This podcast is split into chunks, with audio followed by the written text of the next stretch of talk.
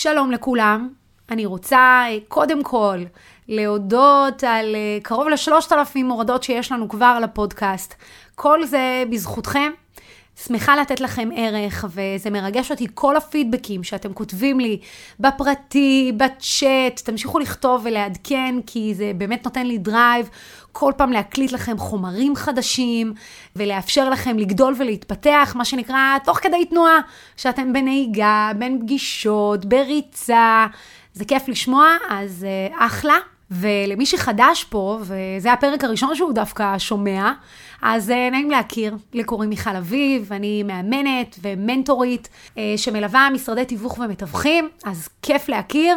ברוכים הבאים למדריך המלא למתווך המצליח. אה, מי שרוצה לקבל עוד ערך ועוד תכנים, אז כמובן שאני מעלה המון המון תכנים לקבוצה מתווכים משתפים בידע וכלים. אם אתם לא חברים בקבוצה הזו, כדאי מאוד מאוד להצטרף, כי גם עולות שם המון המון שאלות של מתווכים אחרים, שמזה אפשר ללמוד המון.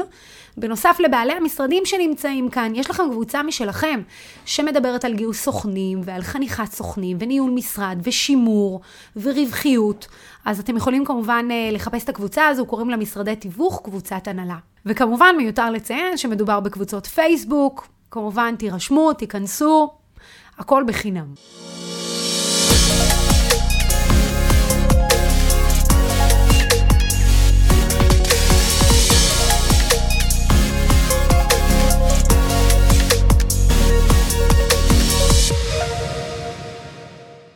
כמו שציינתי בפתיח, הגדרת יעדים הוא נושא מאוד חשוב, אבל גם נושא שאני אוהבת ללמד ולשתף מתווכים ומשרדים שאני עובדת איתם. אני כל הזמן חוקרת ולומדת את הנושא הזה, ובמחקר האחרון שקראתי, שעקב אחרי אנשים במשך שנים ארוכות, גילה שאנשים שכתבו יעדים ברורים ומוגדרים, השיגו פי חמש עד עשר יותר מאלה שלא היו להם יעדים קבועים ופשוט זרמו עם החיים. למרבה הצער, רוב המתווכים והמשרדים שאני מכירה לא כותבים יעדים ולא מכינים שום תוכנית, אלא בעיקר מתגלגלים מחודש לחודש, פעם יותר, פעם פחות, מתוך איזו תחושה שיהיה בסדר. עכשיו, השנה וחצי האחרונות האלה בקורונה לימדו אותנו שזה לא דרך נכונה להתנהל. כי מי שלא היו לו, אה, מה שנקרא, מצבורים בהתחלה, בסגרים הראשונים, הוא שילם לזה מחיר כבד. נכון שאחר כך השוק תיקן את עצמו, ודווקא הייתה לנו שנה מדהימה, ובכלל הנדל"ן ממשיך לצמוח ולפרוח. אבל המשקעים שהדבר הזה יצר כתוצאה מתכנון לקוי, יצר הרבה מאוד שחיקה. ואתם לא צריכים להגיע למצב הזה. ואתם כן צריכים, מה שנקרא, להגדיר יעדים, כדי כל הזמן לדחוף אתכם להיות הגרסה הכי טובה של עצמכם. אז איך עושים את זה? אם אתם רוצים לרוץ קדימה ולהשתפר, כדאי מאוד שתתחילו לבצע את המשימות הבאות. קודם כל, תגדירו את היעדים שלכם. תוצאות שאליהם אתם מכוונים, שמורכבות מיעד ברור, כמותי, מדיד. הרבה פעמים אני פוגשת מתווכים, אני שואלת אותו, מה היעד? שואלת את המתווך, מה היעד? אה, להרוויח טוב, להרוויח באופן עקבי, לייצר פרנסה שוטפת. זה לא יעד שאפשר לעשות איתו משהו. אחד יגיד שפרנסה שוטפת זה לעשות בממוצע חצי עסקה בחודש, ואחר יגיד שפרנסה שוטפת זה לעשות שלוש עסקאות בחודש. בואו נהיה מוגדרים. מי שרוצה להרוויח 50 אלף שקל, יודע כמה עסקאות הוא צריך בשביל להגיע ליעד הזה. כשהיעד הוא כמותי והוא מדיד, היכולת שלנו לבנות ממנו תוכנית עבודה היא הרבה הרבה יותר קלה. כי אותה אפשר לפרק לפעולות שבועיות, יומיות, עד רמת השעה, ולדעת האם אני אקטיבי או פרודקטיבי. כי בשביל להגיע ליעד אני חייב להיות פרודקטיבי, זה לא מספיק שאני בתנועה. הדבר השני זה להגדיר מסגרת זמן רצויה. הפרק הזה מוקלט בתחילת אוקטובר. זה אומר שיש לנו עוד רבעון שלם עד שאנחנו מסיימים את 2021. רבעון זה זמן טוב כדי להגדיר יעדים. כמו שציינו, יעדים מתחילים מכמות העסקאות שאני רוצה לבצע, וממנה כמות הפעולות שאני צריך לעשות. מה שמוביל אותי לדבר השלישי, וזה ליצור תוכנית פעולה, לפרק את המטרה לשלבים הבאים. כמה שיחות טלפון אני הולך לבצע? מה היעד פגישות מוכרים היומי שלי? כמה סיורי קונים אני הולך לעשות? כמה הצעות מחיר אני מתחייב להוציא? כמה שיחות פולו-אפ אני הולך לבצע? וכמה פגישות גיוס אני צריך לעשות? ברגע שאני מפרק את המטרה למשימות האלה, יותר קל להגדיר את היעד. אני אתן לכם דוגמה. בואו נגיד לצורך העניין שאתם רוצים להציב יעד שבו אתם מבצעים עסקה אחת בחודש.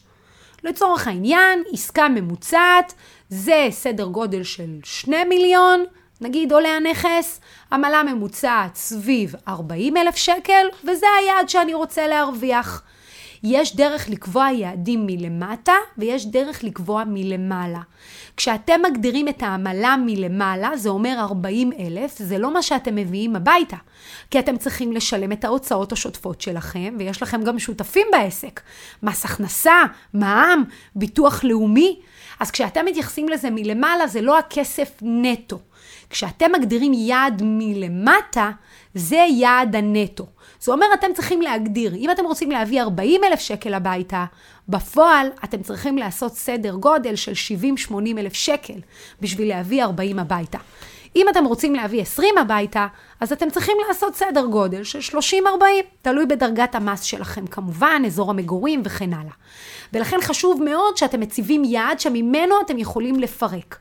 אם למעשה הגעתם למסקנה שמדובר כאן בעסקה אחת בחודש, אז בואו נבין כמה דברים אני צריך לעשות כדי להגיע לעסקה אחת בחודש. אז קודם כל צריך שיהיה לי מלאי. הסטטיסטיקה אומרת שאחד לשבעה נכסים יימכר בכל זמן נתון. זה אומר שאם יש לי שבעה נכסים על המדף, בהכרח אני אמכור אחד מהם. כמובן שהנתונים האלה מתייחסים למתווכים פעילים ולא למתווכים חדשים. הסטטיסטיקה למתווכים חדשים היא נכס עשירי.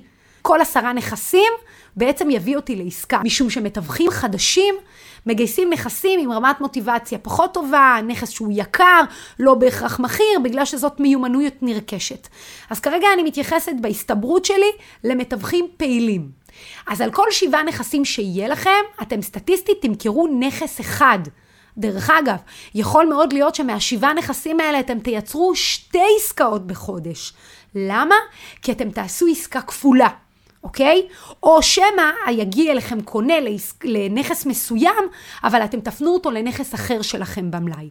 ולכן אם אתם נמצאים בטווח הנכסים האלה, סביר להניח שאתם תעשו עסקאות באופן רציף. איך מגיעים לשבעה נכסים במלאי? כאן בא לידי ביטוי יחסי ההמרה שלכם, וגם מה הנקודה ממנה אתם מתחילים. אם אין לכם כרגע מלאי ואתם נדרשים לגייס שבעה נכסים, זה יחס המרה מסוים.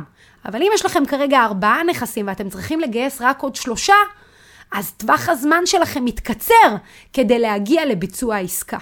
וכאן זה משתנה מאדם לאדם, אז ההסבר כבר נהיה מסובך, אני פחות אכנס לזה.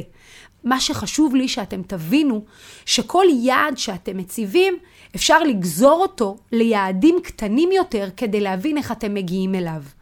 בשביל להגיע ליעד הזה, אתם צריכים שיהיה לכם מלאי. המלאי מושפע מכמות הפגישות גיוס שאתם תעשו, וכמות הפגישות שאתם תעשו תושפע משיחות הטלפון היומיות שתעשו למוכרים. אז כשאתם בונים תוכנית, חשוב שאתם תגדירו כמה שיחות אתם הולכים לעשות ביום, כמה פגישות שבועיות לגיוס נכסים אתם הולכים לעשות, כמה מתוכם זה יעד שאתם מציבים לגייס ובאיזה טווח של זמן. ומשם אתם תציבו את היעד הכולל שיביא אתכם לעסקה. בשביל להגיע לזה אתם צריכים להתחיל למדוד כל יום את מה שעשיתם, למדוד את ההתקדמות. נכון, זה לא קל, אבל אם אתם תעשו מה שקל, יהיה לכם קשה בעסק הזה. אם אתם תעשו את מה שקשה, יהיה לכם קל להביא את התוצאה. תבינו, זה העסק שבחרתם. העסק הזה מבוסס על מלאי. אם אתם רוצים לייצר עסקאות באופן עקבי, תבססו את העסק שלכם על גיוס נכסים בבלעדיות ותדאגו שיהיה לכם מלאי. אם קשה לכם לגייס נכסים בבלעדיות, תפנו אלינו או תפנו למנטורים אחרים שיעזרו לכם לשפר את מיומנות הגיוס, כי שם יושב העסק, זאת הליבה. אני כל הזמן אומרת, מוכר בהכרח יביא קונה. קונה לא בהכרח יביא לכם מוכר. במקרה הטוב, הוא מייצר לכם עסקה. אז לא לשכוח את זה ולבסס את העסק שלכם על מוכרים. דבר נוסף, זה הצד המנטלי. כשהדחיינות והספק מתחילים לבצבץ ולשכנע אתכם לוותר, אל תישאבו לשם. תיזכרו מה הביא אתכם לעסק הזה ולמה חשוב לכם להצליח. אל תקשיבו לספק, פשוט תהיו בעשייה, תבצעו. ואם אתם מרגישים שיש לכם קושי מקצועי, תבקשו עזרה. תעשו כל מה שצריך כדי לעזור לכם להיות הגרסה הכי טובה של עצמכם. בנוסף, תקפידו מדי שבוע לעבור על היעדים שהצבתם, ולעשות שיחה אמיתית. עמדתי בזה או לא עמדתי בזה? ואם לא עמדתי בזה, למה? מה היה חסר לי? ומה אני צריך כדי לעמוד בזה? כי כל יום שעובר, אתם לא חוזרים אליו. הוא הלך, הוא נגמר. אם לא תפיקו ממנו את התועלת ולא תיקחו אחריות גם על הדברים הטובים ותחגגו הצלחה, אבל גם על הדברים הפחות טובים ותשפרו, אתם לא תתקדמו. אתם רק תלכו אחורה. דבר אחרון שחשוב לי לומר לכם, זה תתמקדו בתוצאה, לא בקושי. מהרגע שהגדרתם מטרה, אתם תתחילו להרגיש איך זה לעמוד בפיתוי. איך זה לא להתמקד בהתנגדות. אל תתמקדו בקושי. זה שהלקוח מתנגד זה בסדר, זה שלו. התפקיד שלנו זה להסביר לו למה נכון לו לקחת אותנו. למה נכון לו שאנחנו נטפל בעסקה הכי חשובה בחייו. במקום להתמקד בקושי, אנחנו צריכים להתמקד במה שאנחנו רוצים להשיג. ומה אנחנו צריכים לעשות כדי לאפשר לנו לגרום לזה לקרות. ותזכרו, יעדים כתובים הם כמו סימנים על הכביש המהיר. הם מאפשרים לכם לראות כמה רחוק אתם יכולים להגיע. הם גם מספקים לכם הזדמנות לחגוג. אל תחכו למחר, תתחילו לבצע מהיום.